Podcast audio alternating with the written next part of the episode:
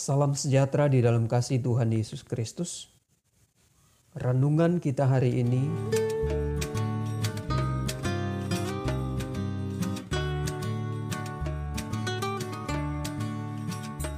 Mazmur 23 ayat 1 sampai ayat 6. Tuhan gembalaku yang baik. Mazmur Daud. Tuhan adalah gembalaku.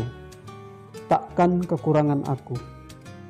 Ia membaringkan aku di padang yang berumput hijau.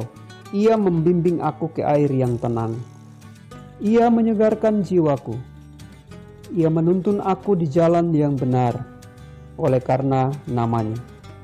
Sekalipun aku berjalan dalam lembah kekelaman, aku tidak takut bahaya, sebab engkau besertaku, gadamu dan tongkatmu, itulah yang menghibur aku.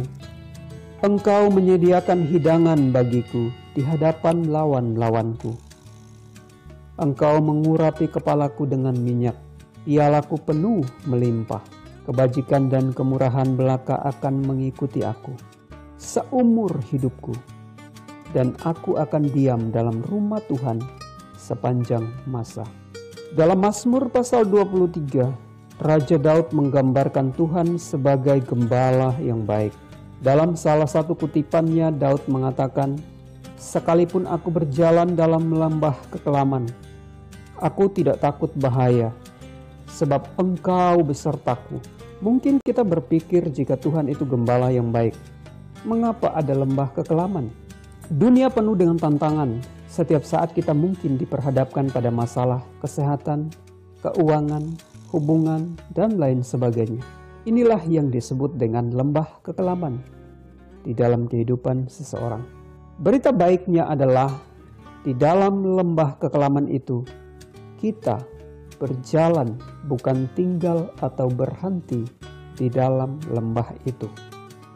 Jadi di dalam lembah kekelaman kita berjalan melewatinya bersama dengan Tuhan Yesus Kristus. Hal itu menunjukkan bahwa lembah kekelaman bersifat sementara.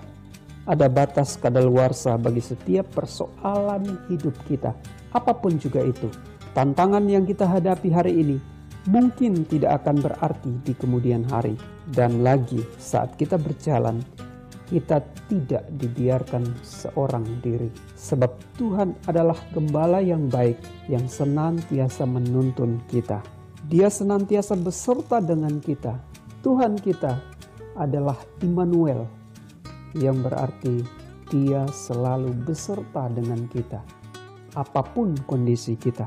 Yang terpenting adalah kita tidak meninggalkan atau keluar dari pengawasan Tuhan. Tuhan siap sedia menolong dan menyelamatkan kita kapan pun.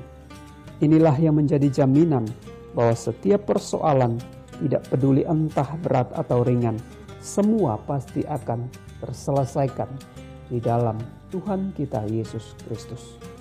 Amin.